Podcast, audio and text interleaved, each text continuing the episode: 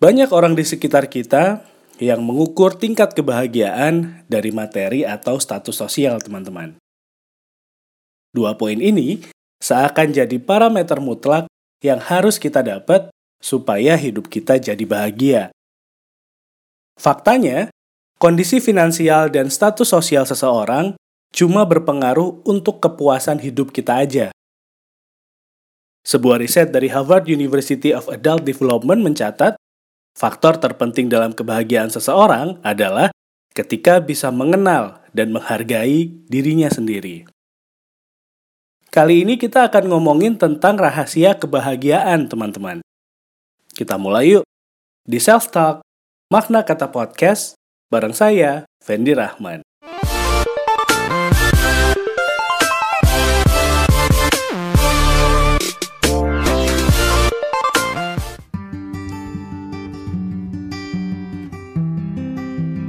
Berbuat baik sama orang lain memang jadi kewajiban kita, teman-teman. Tapi, ada satu hal yang paling sering kita lupa adalah berbuat baik ke diri kita sendiri. Saking fokusnya kerja keras dan pengen bikin orang lain bahagia, kadang kita lupa untuk memperlakukan badan kita dengan baik dan layak, teman-teman. Coba deh, kasih self-achievement untuk diri kita sendiri bisa solo traveling, beli baju yang kita suka, atau makan makanan yang sehat juga bisa loh jadi pilihan untuk kasih penghargaan ke diri kamu sendiri. Banyak juga di antara kita yang merasa kurang bahagia karena menjalani hubungan yang kurang sehat. Hubungan di sini banyak banget pengertiannya, teman-teman. Bisa hubungan pertemanan, hubungan sama keluarga, hubungan sama pasangan, bahkan hubungan profesional sama klien kamu temui dan ajak ngobrol secara personal buat memperbaiki hubungannya. Kalau memang udah dicoba dan masih belum beres juga masalahnya, semua keputusan ada di tangan kamu nih buat nentuin gimana ke depannya. Setiap orang pasti punya ketakutan dan trauma, teman-teman.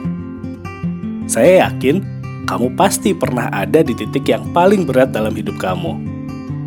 Hadapi semua kondisi itu, teman-teman Jangan pernah menyerah dan selalu optimis. Karena setiap orang punya kekuatan untuk melawan ketakutan dan traumanya sendiri.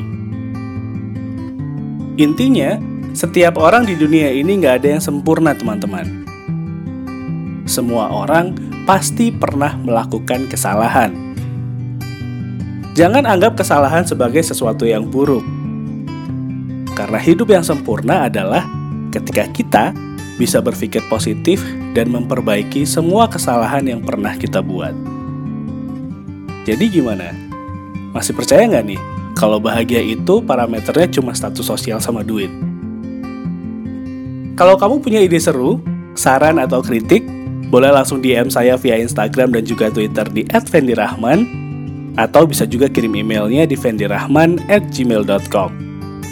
Terima kasih sudah mendengarkan makna kata podcast. Saya pamit. Ketemu lagi minggu depan ya, teman-teman.